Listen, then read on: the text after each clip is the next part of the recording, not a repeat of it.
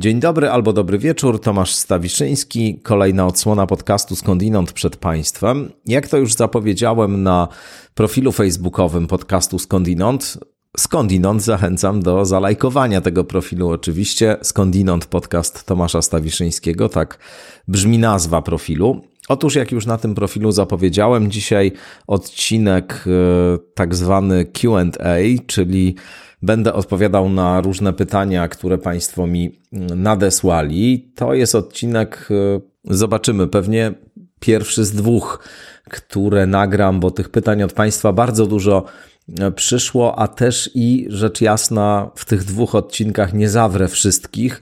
Wybór będzie w ogromnym stopniu przypadkowy, także to nie jest tak, że akurat jakieś pytania uznaję za bardziej e, ciekawe.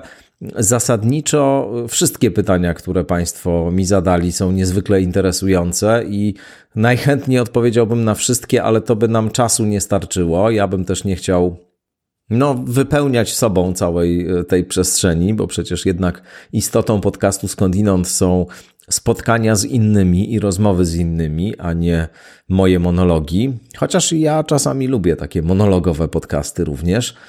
W każdym razie dzisiaj i zapewne także za tydzień jeszcze będę wokół różnych kwestii e, się wypowiadał, co do których Państwo, żebym się wypowiedział, zgłosili zapotrzebowanie. No to cóż, wobec tego zaczynajmy tę sesję QA.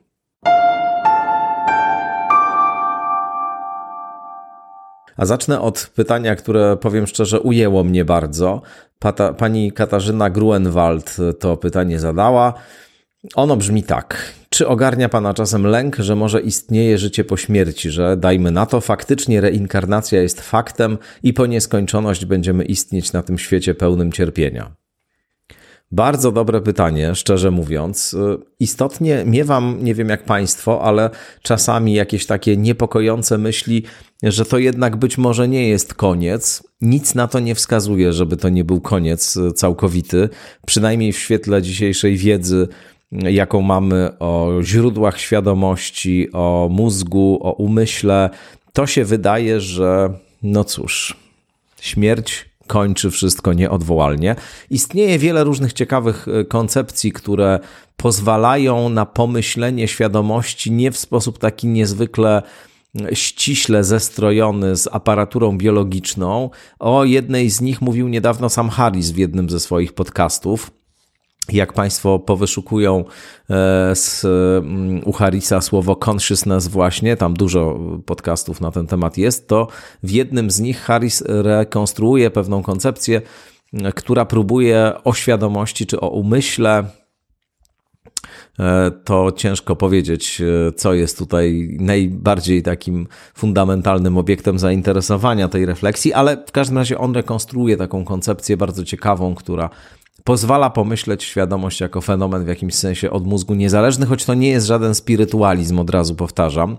To nie jest koncepcja, w myśl której e, istnieje jakaś niematerialna, nieśmiertelna dusza, no i ona jest e, wyłącznie przez nasz umysł odbierana niejako na zasadzie, przez nasz mózg, przepraszam, odbierana na zasadzie anteny.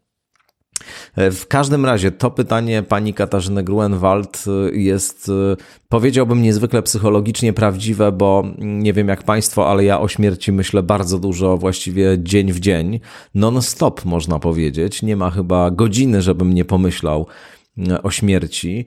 I rzeczywiście mm, co jakiś czas tli się w mojej głowie jakaś taka myśl, że być może po śmierci będzie jeszcze gorzej aniżeli e, jest za życia, że innymi słowy jakaś forma egzystencji upiornej, świadomej może gdzieś tam faktycznie funkcjonuje, a reinkarnacja rzeczywiście tu się też zgadzam, choć są przedstawiciele takich stanowisk e, którzy uważają, że reinkarnacja jest e, fantastyczną okolicznością. Ja mam wrażenie, że jest to jedna z najbardziej upiornych idei, jakie tylko można sobie wyobrazić. Ten nieustanny, wieczny powrót w świecie e, cierpienia i, i, i no, mało to jest zachęcająca perspektywa.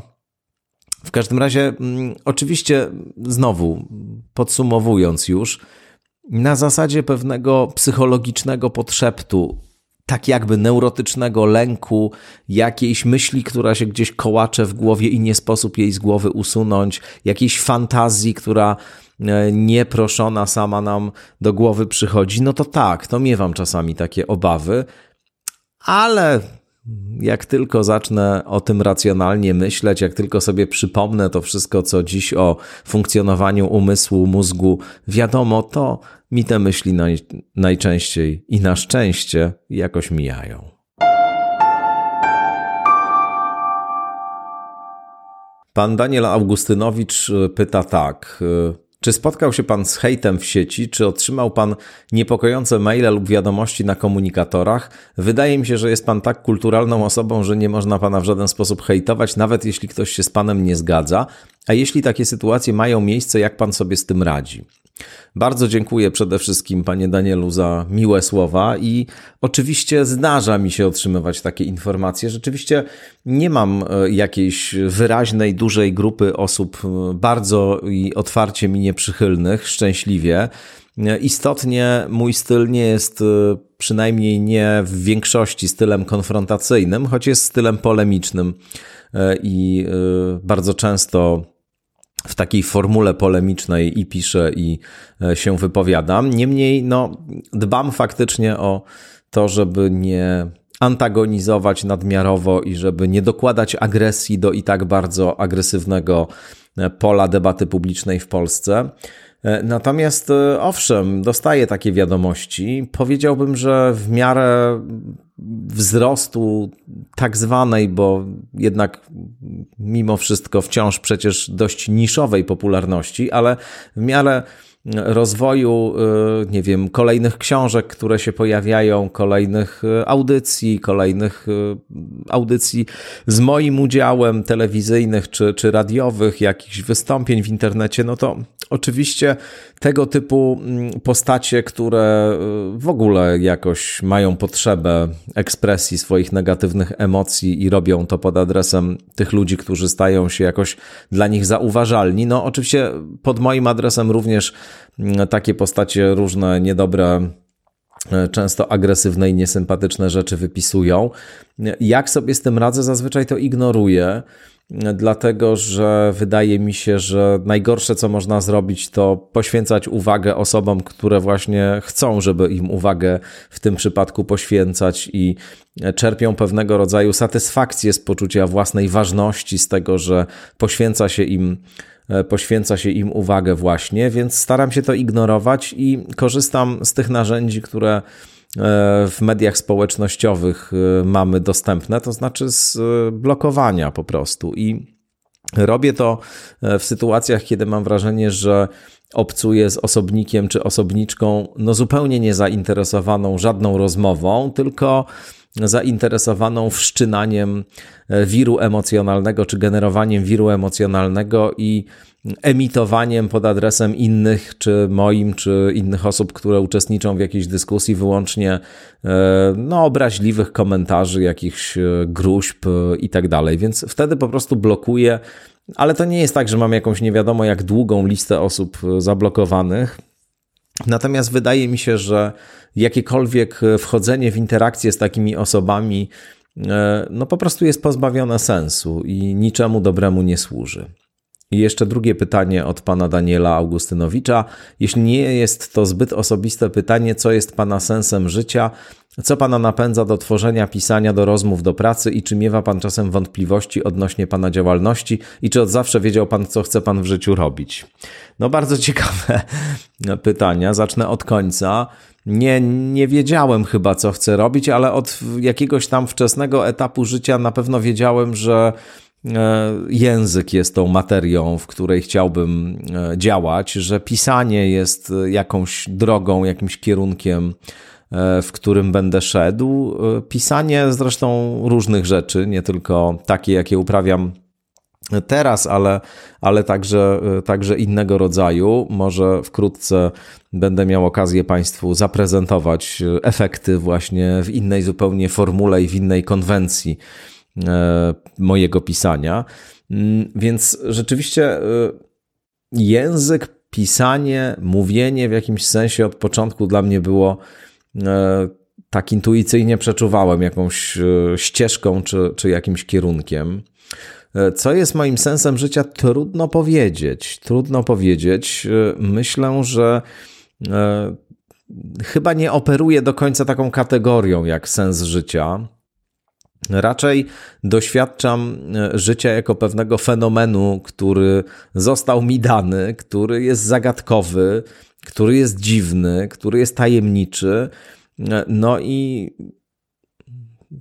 jakieś myślenie o tym, przeżywanie tego wszystkiego, jakiś rodzaj próby szukania na swój własny sposób jakichś odpowiedzi, czy w ogóle po prostu refleksja na temat tego e, faktu, właśnie.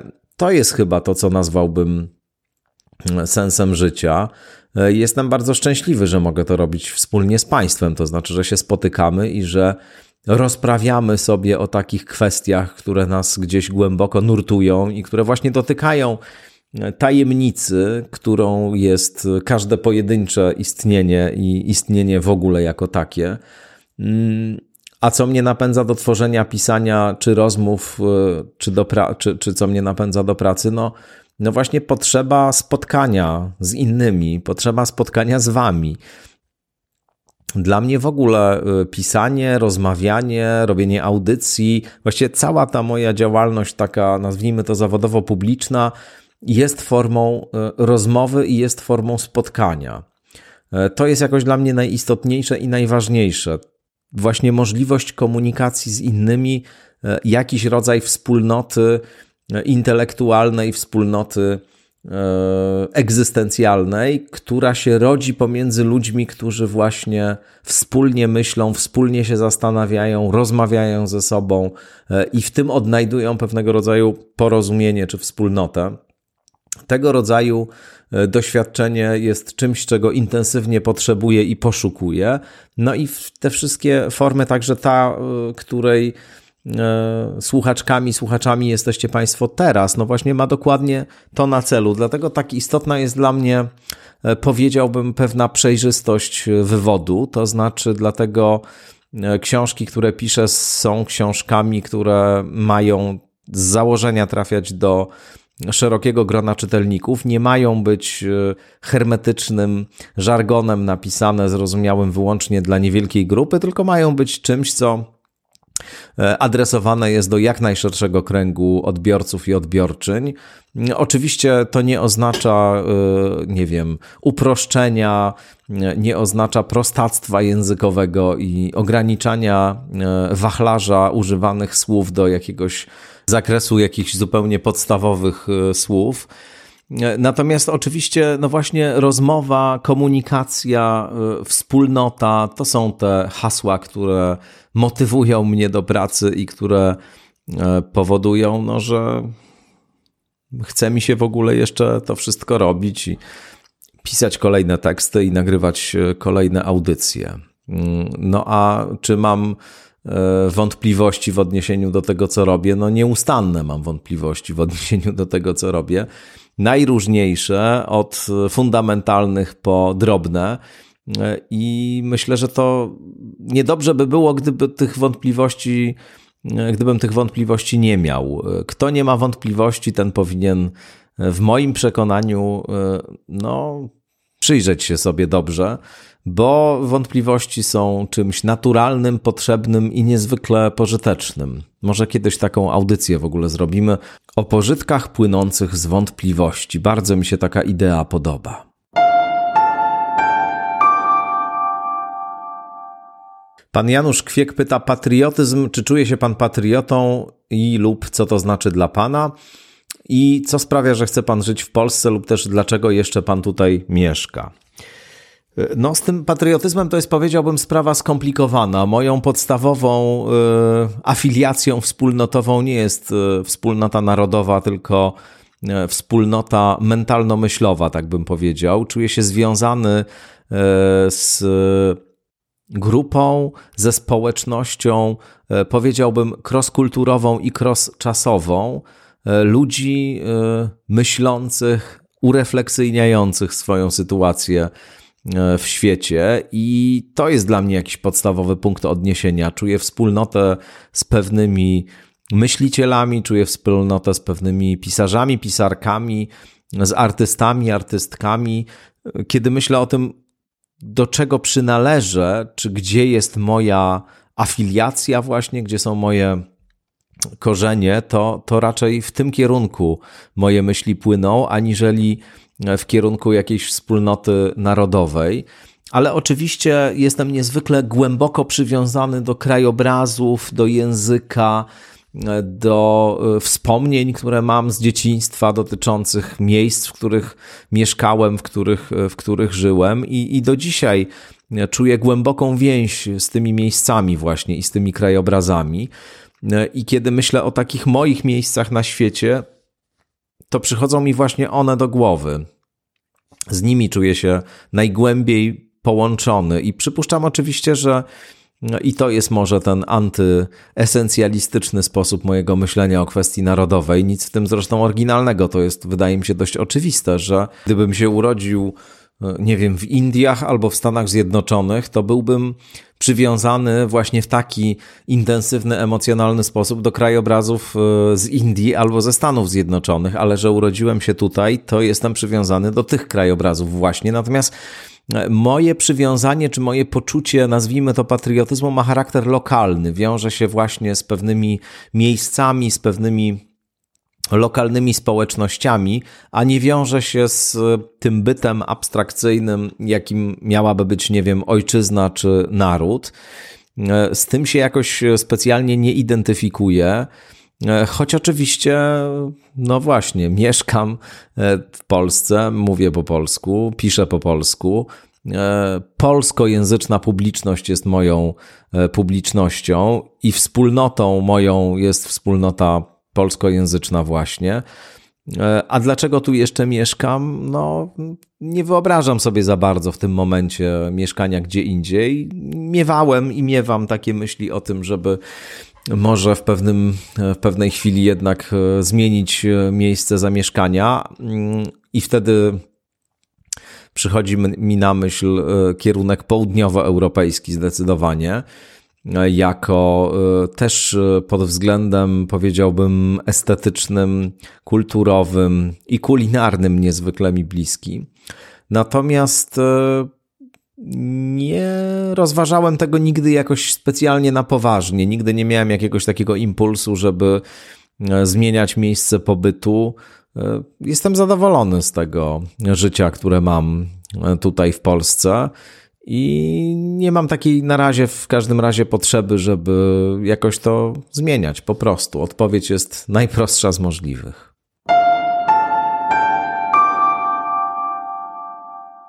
Pani Danuta Zakrzewska pyta, co myślę o antynatalizmie e, i dlaczego. Antynatalizm to takie stanowisko e, we współczesnej filozofii, w myśl którego płodzenie dzieci jest niemoralne i najlepiej by było, gdyby ludzkość wyginęła. Cóż, pamiętam, co mi kiedyś powiedział Bogdan Chwedeńczuk już przed wieloma, wieloma laty, analizując jakieś Mm, jakieś zjawisko z kręgu e, nowoczesnej myśli filozoficznej.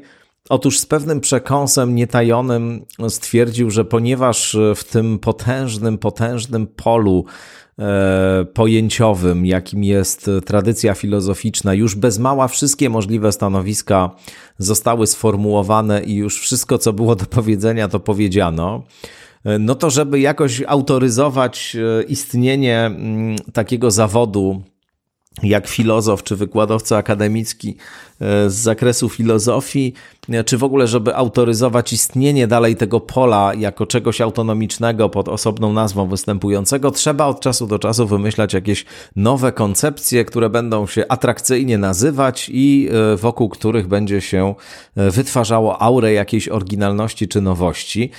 Trochę mam wrażenie, że tak jest z tym antynatalizmem, bo oczywiście postawa czy pogląd, y, który pod tą egidą dzisiaj występuje, jest już y, dawno, dawno e, wypowiedziany, znany, obmyślany, sięga źródłami oczywiście do starożytnej Grecji. Istnieją takie przekonania, w myśl których lepiej by było dla człowieka w ogóle się nie urodzić. No, w dalszej kolejności powiedziałbym tak, proszę zwrócić uwagę, że antynatalizm e, jest to stanowisko, e, które istnieje wyłącznie dzięki temu, że jednak e, ludzie się urodzili, w związku z czym nie można by było głosić antynatalizmu, gdyby ludzkości nie było, co samo w sobie jest już trochę paradoksalne. A po trzecie, nie jestem pewien, czy to jest stanowisko do obrony bo też i trudno e, nieistnienie czy też niezaistnienie stawiać, powiedziałbym, e, ekwiwalentnie z zaistnieniem. Innymi słowy, jeżeli mam do wyboru mm, moje istnienie i moje nieistnienie, narodzenie i nienarodzenie, jeśli E, stawiam tego rodzaju alternatywę, no to mogłoby się wydawać e, intuicyjnie, tak się wydaje zresztą, e, i nawet jak ja to mówię, to mogą Państwo coś takiego słyszeć, że po stronie mnie nieistniejącego jest jakiś konkret, to znaczy, że jest tutaj jakaś mierzalna jakość, że jest tutaj coś konkretnego, innymi słowy. Tymczasem no właśnie, pytanie brzmi, na ile mogę w ogóle rozpatrywać własne nieistnienie jako e, opcję, e, z którą miałbym porównywać e, to, co się wydarzyło mm, w związku z tym, że się urodziłem. To jest takie stanowisko po prostu, innymi słowy, pełne paradoksów. A poza tym, no cóż, no, mm, ono będzie i tak zawsze niszowe. To znaczy, jesteśmy istotami biologicznymi powodowanymi e, ewolucją i e, będziemy się po prostu rozmnażać, e, jak sądzę. Nic tego nie zastopuje, a już z całą pewnością nie koncepcja antynatalistyczna, która zresztą jest częścią, powiedziałbym, jakiegoś szerszego fenomenu współczesnego, takich antyludzkich narracji czy narracji, w myśl których e, gatunek ludzki jest e, czymś absolutnie najgorszym i najstraszniejszym, co tylko mogło się istnieniu przytrafić. E, celuje w tym zwłaszcza pewna część takich bardzo radykalnych nurtów ekologicznych, E, religijnych ściśle właściwie, najczęściej apokaliptycznych również głoszących nadchodzącą apokalipsę. Nawiasem mówiąc, polecam Państwu książkę Michaela Schellenbergera Apokalipsy nie będzie.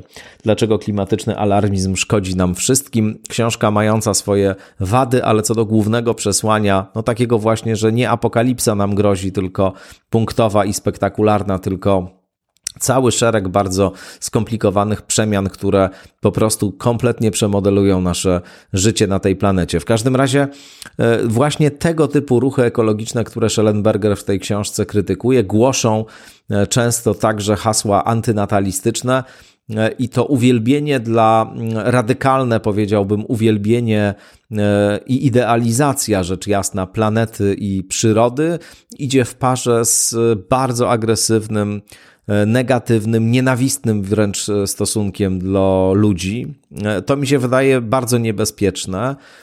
Poza tym, że po prostu głupie, ale, ale przede wszystkim wydaje mi się to bardzo niebezpieczne.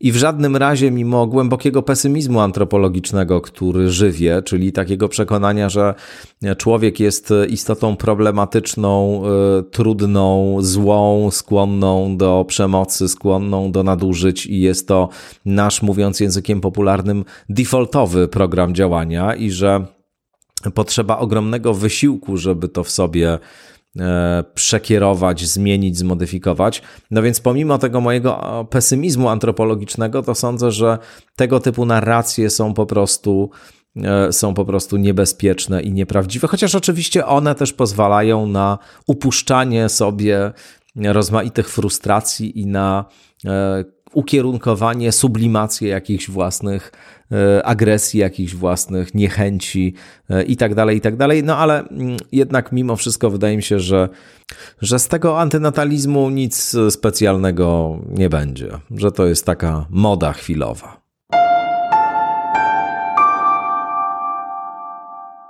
Pani Ala Wąsik pyta, co pan uważa na temat kreowania wizerunku w internecie w kontekście autoprezentacji i tworzenia idealnej wersji siebie? Czy internet nie pozbawia nas trochę takiej zwykłości i naturalności? Och, myślę, że nas bardzo pozbawia i to całego szeregu rzeczy nas pozbawia, choć też mnóstwo nam daje oczywiście. Przede wszystkim powiedziałbym, że wiz- kreowanie wizerunku w internecie wkracza w nową epokę, odkąd Mark Zuckerberg ogłosił projekt Metaverse. Słyszeli Państwo zapewne o Metaverse, a jeśli nie, to polecam skorzystanie z Google'a. To jest projekt, który niedawno e, ogłosił Mark Zuckerberg właśnie. No i to ma być taka właściwie już rzeczywistość wirtualna, w której e, będziemy mogli się ze sobą spotykać za pośrednictwem swoich awatarów, e, ze sobą rozmawiać, załatwiać różne sprawy. No i e, rzeczywistość jest to, powiedziałbym, monetyzowana już w tej chwili tak jakby była rzeczywistością realną. Jakieś monstrualne pieniądze zapłacono na przykład za jacht, e, którym będzie można się w owym metaversie poruszać, w całości wirtualny, rzecz jasna. No i różne inne e, aspekty owego świata wirtualnego, który nadchodzi, są już właśnie wystawione na sprzedaż. Wydaje mi się, że to będzie faktycznie mm, głęboka rewolucja, jeżeli e, to się będzie rozwijało właśnie w ten sposób, w jaki postuluje to mm, Zuckerberg, że poziom e, zaniku e, różnicy pomiędzy tym, co rzeczywiste, a co nierzeczywiste, mm, którego doświadczymy, jeśli do, dożyjemy rzecz jasna, właśnie y, w Metaverse, no, będzie przewyższał zdecydowanie wszystkie te parametry aktualne, które i tak cechują się zaburzeniem proporcji pomiędzy e, realnością a nierealnością i przede wszystkim zaburzeniem naszych zdolności do percypowania, co jest realne, a co jest nierealne. Ma to e, rzecz jasna E, w szerokim e, kontekście bardzo niepokojące konsekwencje, myślę, psychologiczne, zwłaszcza dla osób młodych. Zresztą to, jak bardzo e, rozwój smartfonów i mediów społecznościowych wpływa negatywnie na psychikę młodych ludzi, to jest sprawa wiadoma nie od dzisiaj. Tacy autorzy jak June Tweeney, autorka takiej książki iGeneration, czy Jonathan Haidt, E, od dawna na ten temat prowadzili badania i e, pisali, wzrost poziomu zaburzeń różnorakich, zaburzeń odżywiania, e, rozmaitych dysmorfofobii, takich zaburzeń związanych z percepcją własnego ciała, zaburzeń lękowych, tendencji samobójczych, autoagresywnych, etc.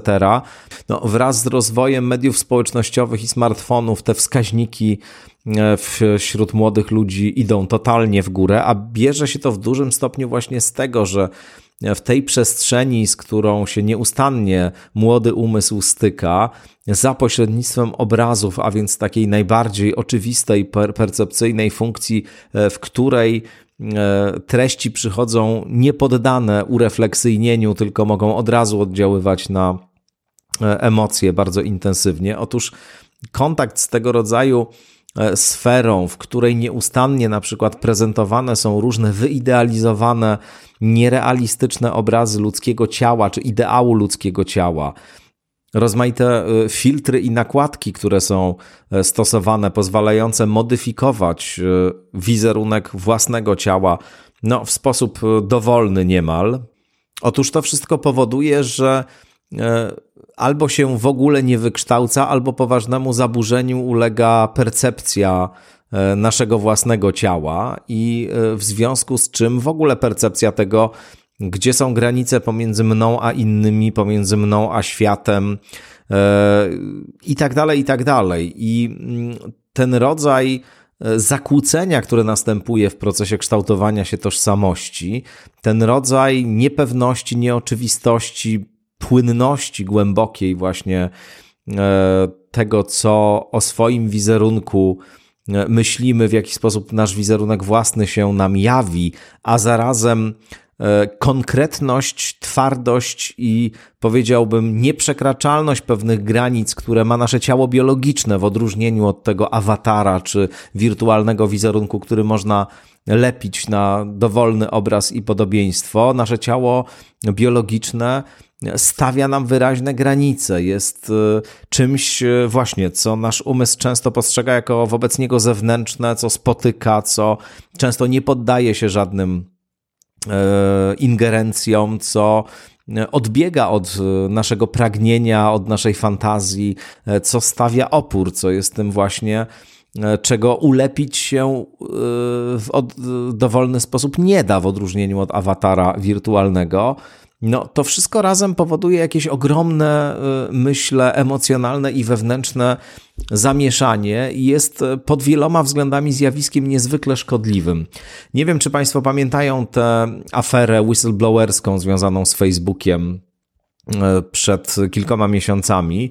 Pewna pracowniczka mm, Facebooka, opuściwszy tę firmę, no po prostu zaczęła opowiadać o różnych e, ciemnych aspektach jej działalności, e, których nie widać na co dzień.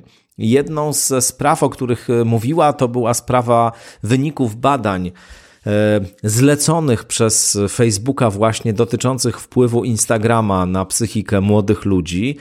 Było wiadomo już od dawna, że istnieją badania, które pokazują tragiczny wpływ mediów społecznościowych na psychikę młodych ludzi, no ale tutaj Facebook zlecił sam e, zrobienie tego rodzaju badań. No i oczywiście wyszło dokładnie to samo, to znaczy wyszło e, to, że są to artefakty, które, które i aplikacje, które no w sposób niezwykle E, destrukcyjny wpływają na psychikę młodych ludzi, właśnie w szczególności na te wszystkie kwestie, o których wcześniej mówiłem.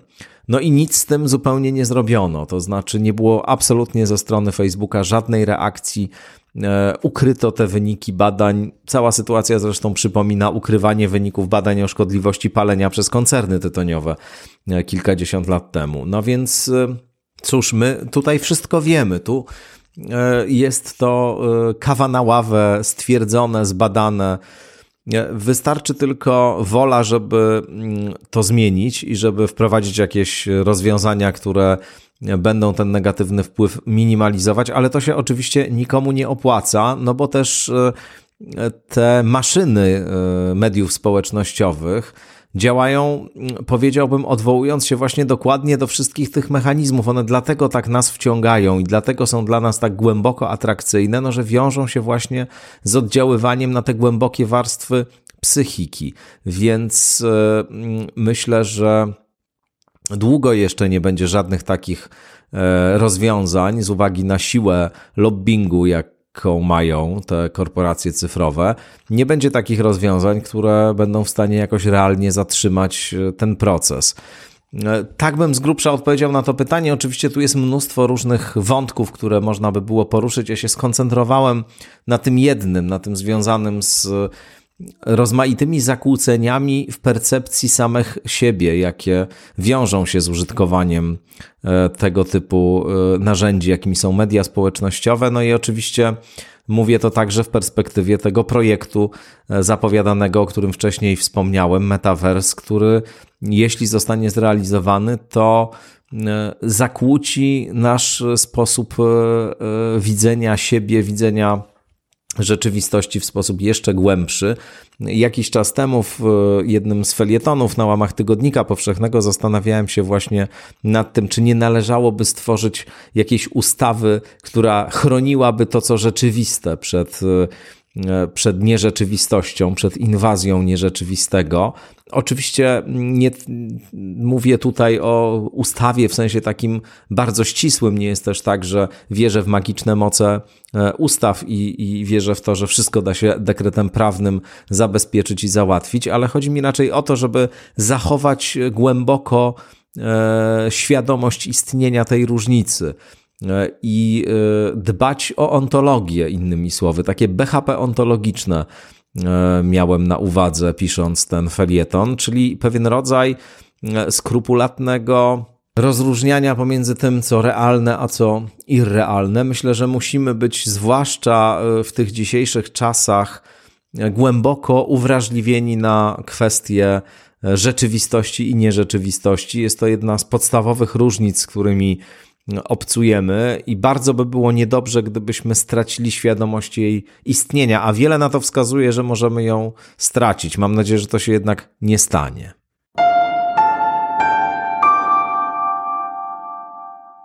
Pan Jurek Paczyński pyta, który argument za istnieniem Boga uważa Pan za najsilniejszy i którą religię, denominację, jeśli którąkolwiek wybrałby Pan, jeśli ów argument by Pana przekonał? I drugi e, Drugie pytanie. Którego ze zmarłych myślicieli, filozofów, przywódców religijnych z całej historii dziejów zaprosiłby pan do skądinąd, jeśli miałby pan taką możliwość? Och, jeśli chodzi o tę drugą kwestię, to nie, nie będę nawet chyba żadnego nazwiska wymieniał, bo musiałbym wszystkich po prostu e, ważnych filozofów, myślicieli, jakichś niezwykłe postacie historyczne wymienić. Jest nieskończona lista tych, których chciałbym tutaj zaprosić, gdyby była taka możliwość. Od e, Sokratesa, Buddy i Jezusa e, poczynając, a E, nie wiem na kim nawet kończąc, więc pozwoli pan, że nie będę na to pytanie odpowiadał. Natomiast co do argumentów za istnieniem Boga, hmm, który uważam za najmocniejszy, hmm, one wszystkie są poniekąd w tej samej pozycji, to znaczy wszystkie są niewydolne poznawczo i wszystkie e, nie dowodzą w żadnym razie istnienia bóstwa. Ale oczywiście jest to niezwykle interesujący kawałek ludzkiego myślenia i, i, y, niewątpliwie w tradycji e, filozoficznej czy tradycji chrześcijańskiej w szczególności, e, która pewne wątki, na przykład arystotelesowskich rozważań na temat e, pierwszej przyczyny zaadaptowała. No, jest to coś istotnego, coś co przez lata służyło za E, pewien instrument e, w nawracaniu, ale i w umacnianiu własnych przekonań religijnych. Niektóre oczywiście spośród e, dowodów na istnienie Boga, jak na przykład dowód Anselma z Canterbury, ten chyba najbardziej klasyczny, najbardziej znany dowód, tak zwany dowód ontologiczny na istnienie Boga, no, cechuje pewna niebywała uwodzicielska siła E, jest rzeczywiście coś takiego bardzo przekonującego i uwodzicielskiego w tych wywodach, i one się wydają niepodważalne i niezaprzeczalne.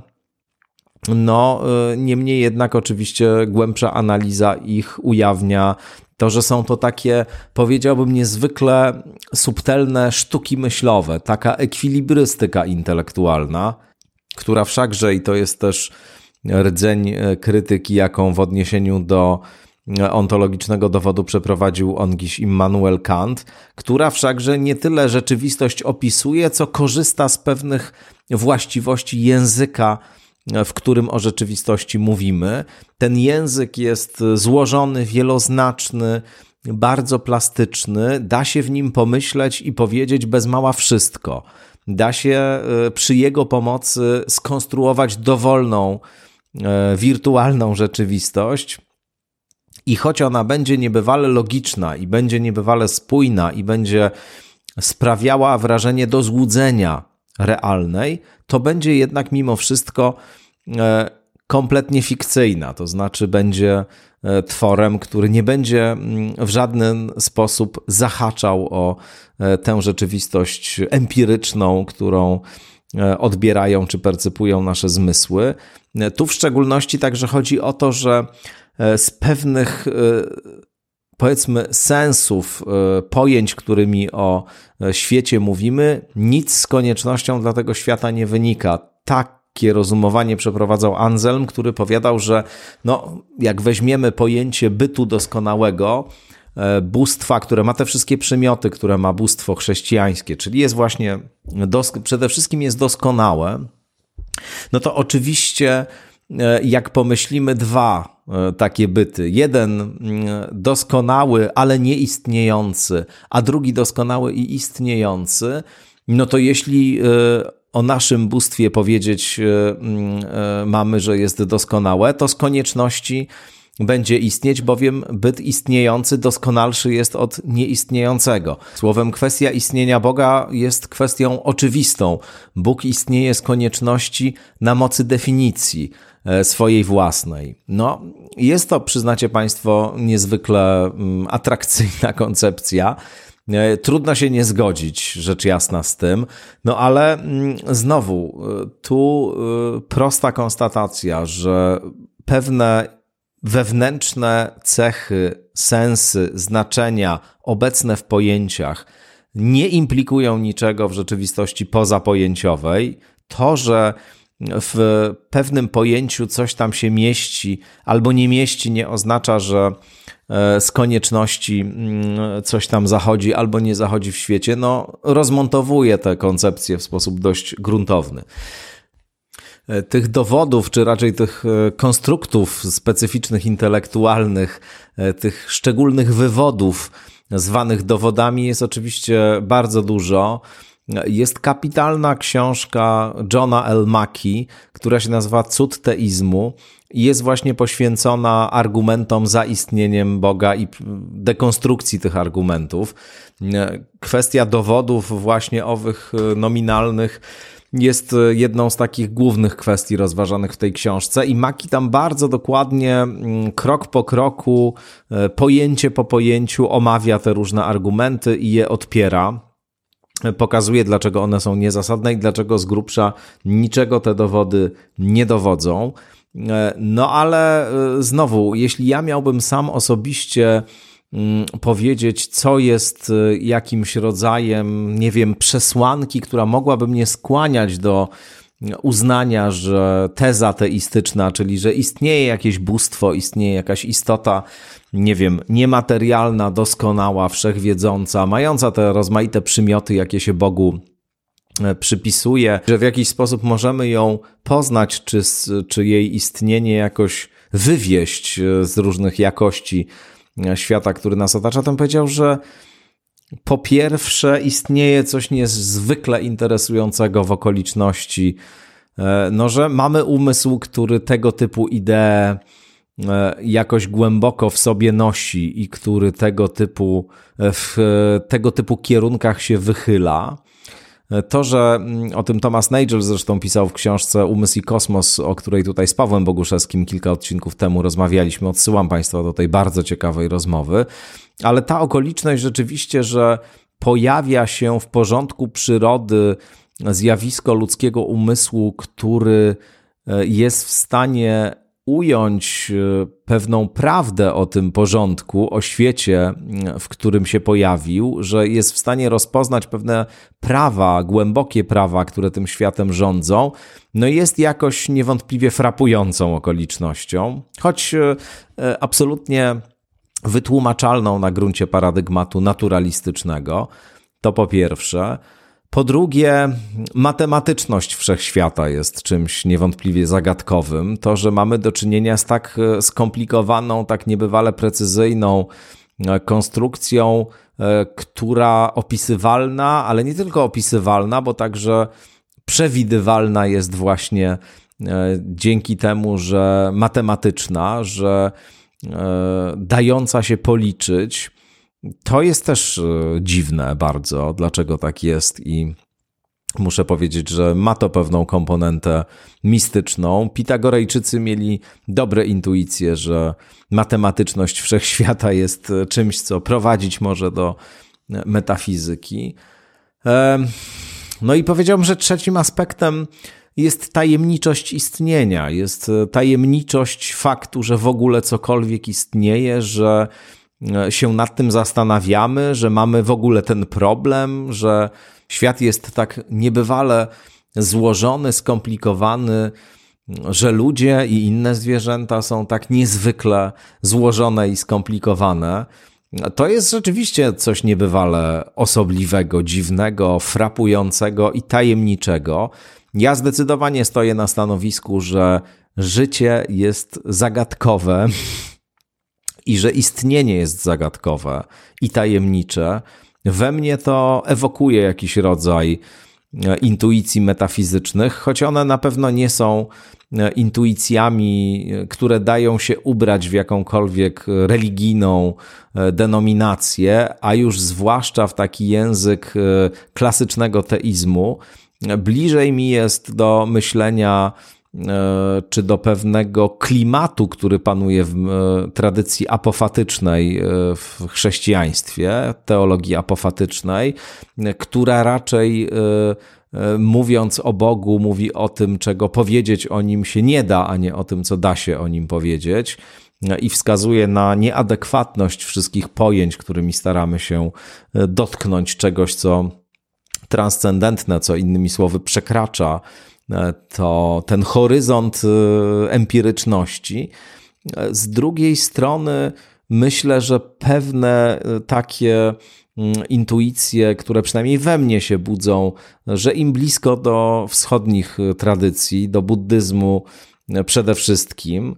W każdym razie niewątpliwie E, jakieś inklinacje metafizyczne posiadam. Wydaje mi się, że trudno ich jest e, nie posiadać, chociaż oczywiście są ludzie, którzy zupełnie nie reagują w ten sposób na okoliczność własnego istnienia i którym w ogóle tego typu narracja nie jest do niczego potrzebna. Mnie to zawsze interesowało, wciągało i było dla mnie mm, no, przedmiotem intensywnej troski. Bliski jest mi też taki myśliciel niemiecki Paul Tillich, E, protestant, filozof, pastor również, który napisał kilka znakomitych książek, między innymi taką książkę Pytanie o nieuwarunkowane. E, I e, po polsku jest jeszcze wydane Męstwo Bycia i Dynamika Wiary. Jest też dużo jego różnych e, takich książek już stricte poświęconych teologii protestanckiej, ale te trzy, które wymieniłem, Męstwo Bycia, Pytanie o Nieuwarunkowane i Dynamika Wiary, to są takie książki, które no kiedyś na mnie wywarły gigantyczne wrażenie, muszę powiedzieć. Bardzo, bardzo mocno do mnie ten Tillich przemówił. I on tam, no właśnie, coś na kształt takiego wywodu e, apofatycznego prowadzi, e, wskazując, że właściwie jakiekolwiek pojęcia, których możemy używać do opisu jakiejś rzeczywistości, która przekracza e, to, co empiryczne, to są pojęcia nieadekwatne. Ba, powiada tam Tillich, przecież protestancki pastor, chrześcijanin, że właściwie wszelkie ukonkretnienia symboliczne, także takie, które mamy w chrześcijaństwie raczej nas oddalają od rzeczywistości transcendentnej niż nas do niej przybliżają, ale w ogóle na kwestie religijności czy wiary Tillich ma takie pojęcie troski ostatecznej. Powiada, istnieją sprawy troski ostatecznej, istnieją kwestie, które w ostateczny sposób nas troskają. To są właśnie sprawy metafizyczne e, i e, one są bardzo specyficzne i nigdzie indziej e, owa troska się nie wyraża tak głęboko, jak właśnie w pewnym odruchu metafizycznym czy odruchu religijnym.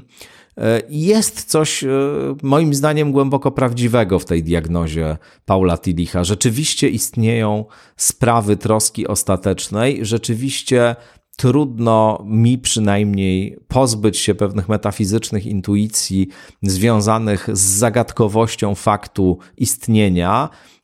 Jakkolwiek zarazem chciałbym podkreślić, że niekoniecznie wcale owe intuicje muszą uzyskiwać formę teistyczną.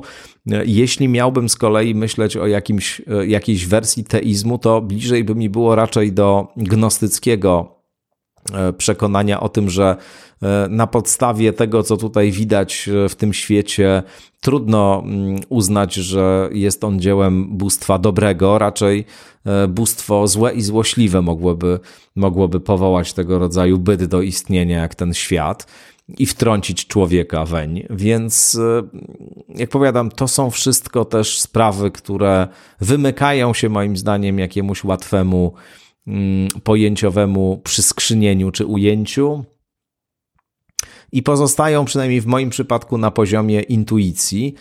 A pewnie pyta mnie pan jeszcze o to, którą, w której religii bym się naj, najbardziej odnalazł. No, Miewałem, e, szczerze mówiąc, e, okres głębokiej fascynacji religiami wschodnimi i mm, takiej nawet praktyki e, tego rodzaju.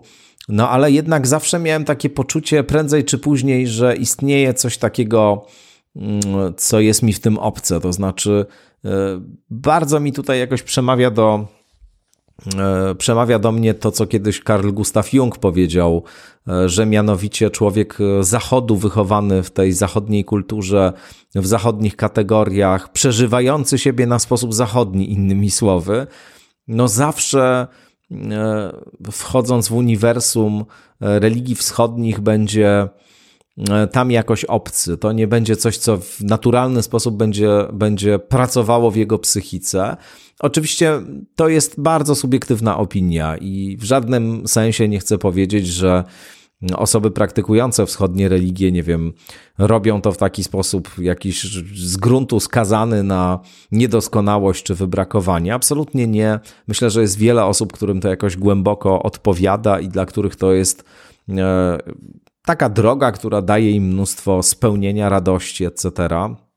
Natomiast dla mnie jednak chyba takim terenem, powiedziałbym, naturalnym terenem symbolicznym jest ta tradycja, tradycja grecko-chrześcijańska, e, więc raczej, e, raczej mm, te nurty myślenia i wyobraźni mitycznej mm, są mi bliskie. I, i gdybym miał gdzieś tam definiować to tradycję, do której jest mi bliżej, no to na pewno jest mi bliżej do tradycji zachodniej religijności, ezoteryki, aniżeli do wschodniej. Natomiast y, ja jednak definiuję się jako człowiek niewierzący i jako ktoś, kto stoi na zewnątrz y, wszystkich religii, natomiast oczywiście kto przeżywa swoje rozmaite rozterki, zadaje sobie pytania dotyczące e, kwestii metafizycznych i, i nie boi się, przynajmniej sam przed sobą, do tego jakoś przyznać, tak, że, że, że te inklinacje metafizyczne, ten rodzaj niepokoju metafizycznego e, niewątpliwie posiadam. Ostatnio mnie o to pytał Tomasz Terlikowski w swoim podcaście Tak Myślę. Jeśli chcą Państwo e, posłuchać tej rozmowy, to zachęcam. Tam się też odsłaniam dosyć mocno ze swoimi różnymi przekonaniami z tego E, kręgu. Myślę, że bardzo ciekawa nam wyszła rozmowa i e, jeśli Państwo mają ochotę, to, to, to odsyłam do e, jednego z ostatnich odcinków podcastu Tomasza Terlikowskiego pod tytułem Tak myślę, z moim udziałem.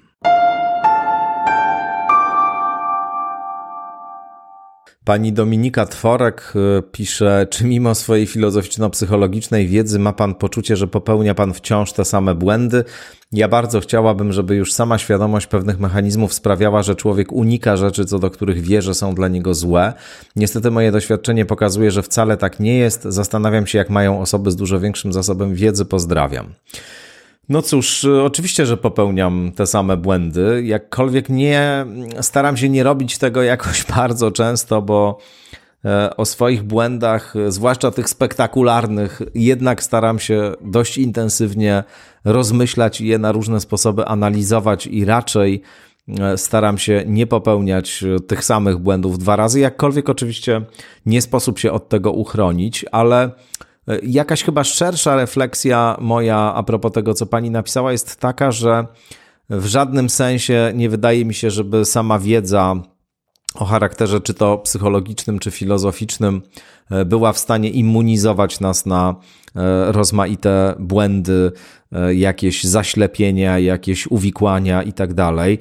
To jest oczywiście taka bardzo też uwodzicielska myśl, która mm, zresztą w tradycji psychoanalitycznej jest e, głęboko obecna. Na tym e, właściwie bazuje ta tradycja, no, że rozpoznanie pewnych mechanizmów, oczywiście tu jest to pojęcie rozpoznania szersze aniżeli tylko w wymiarze intelektualnym, chodzi też o pewne przeżycie emocjonalne, które za tym idzie, ale no, że poznanie nieświadomych uwarunkowań sprawia, że człowiek e, kontrolu, zaczyna kontrolować e, swoje życie, gdzie było it, niech będzie ego, jak mówi e, Zygmunt Freud w tym słynnym diktum, to znaczy tam, gdzie jest nieświadomość, tam ma być świadomość, która zresztą rozświetlać ma te mroki nieświadomego właśnie. Tu jest takie przekonanie, że, że wiedza, świadomość y, prowadzić ma no, do jakiegoś właśnie um, uodpornienia na różne mechanizmy zakrzywień poznawczych, którym podlegamy. E, to jest oczywiście idea bardzo atrakcyjna. I niewątpliwie refleksja sprawia, że stajemy się bardziej świadomi, że stajemy się e, ludźmi, którzy no właśnie mogą pewnych raf unikać. Natomiast e, jest taka cała gigantyczna masa różnych przykładów osób, które teoretycznie posiadły niebywale e, skomplikowaną, złożoną wiedzę o mechanizmach psychologicznych i wydawałoby się, e, ludzka dusza przed nimi żadnych tajni już nie ma, a zarazem zachowują się jak dzieci albo popełniają jakieś zupełnie absurdalne błędy, albo też dowiadujemy się o nich jakichś e, zupełnie nieprawdopodobnych historii. No i to jest rzeczywiście coś e, niezwykle interesującego, mam wrażenie, i symptomatycznego. Właśnie to, że nie ma chyba e, żadnej e, takiej stuprocentowo skutecznej metody, żeby się mm, przed pewnymi, przed pewnymi sprawami uchronić.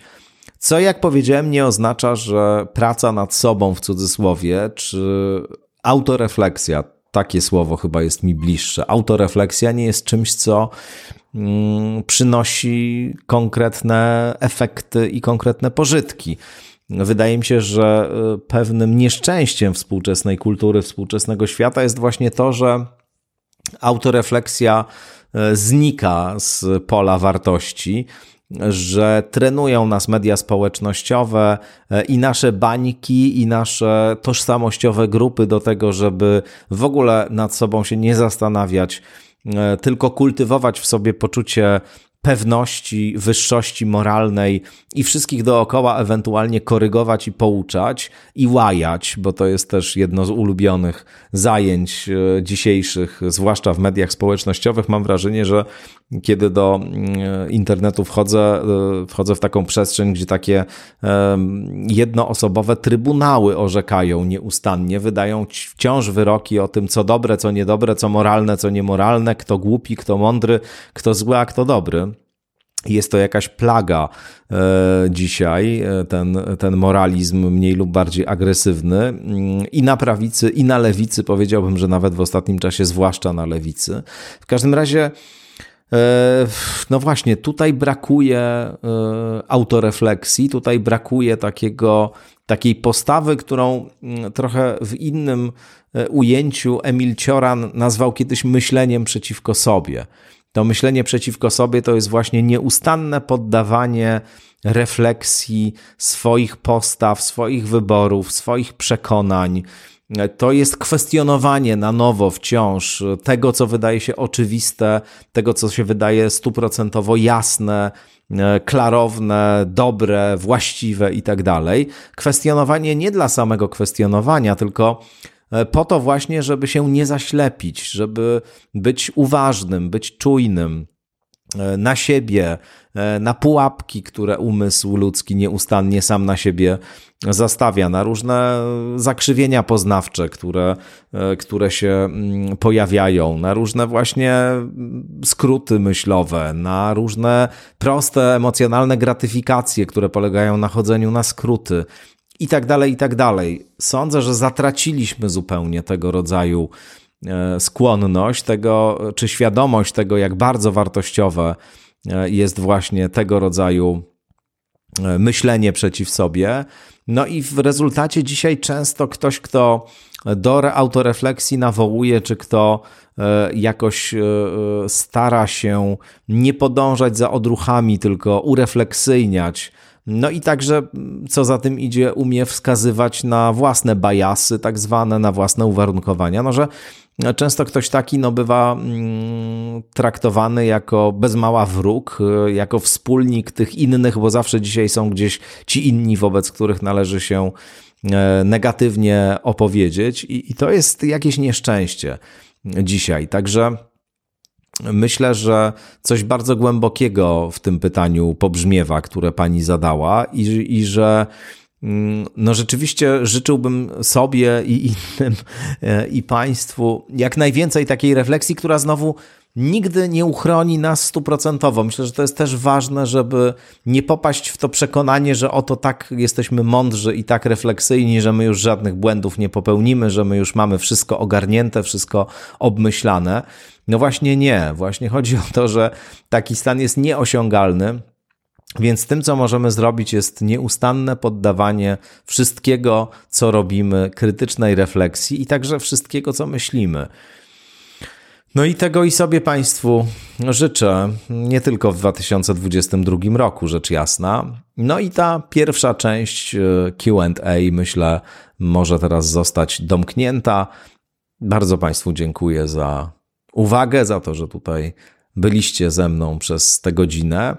No i do usłyszenia w kolejnych odsłonach podcastu Skądinąd Rzecz Jasna. No i zachęcam oczywiście do korzystania z Patronite albo z mojej strony internetowej www.stawiszynski.org i wspierania tego podcastu, jeśli Państwu się wydaje, że coś wartościowego tutaj do Państwa dzięki Skądinąd płynie. Wszystkiego dobrego. Do usłyszenia.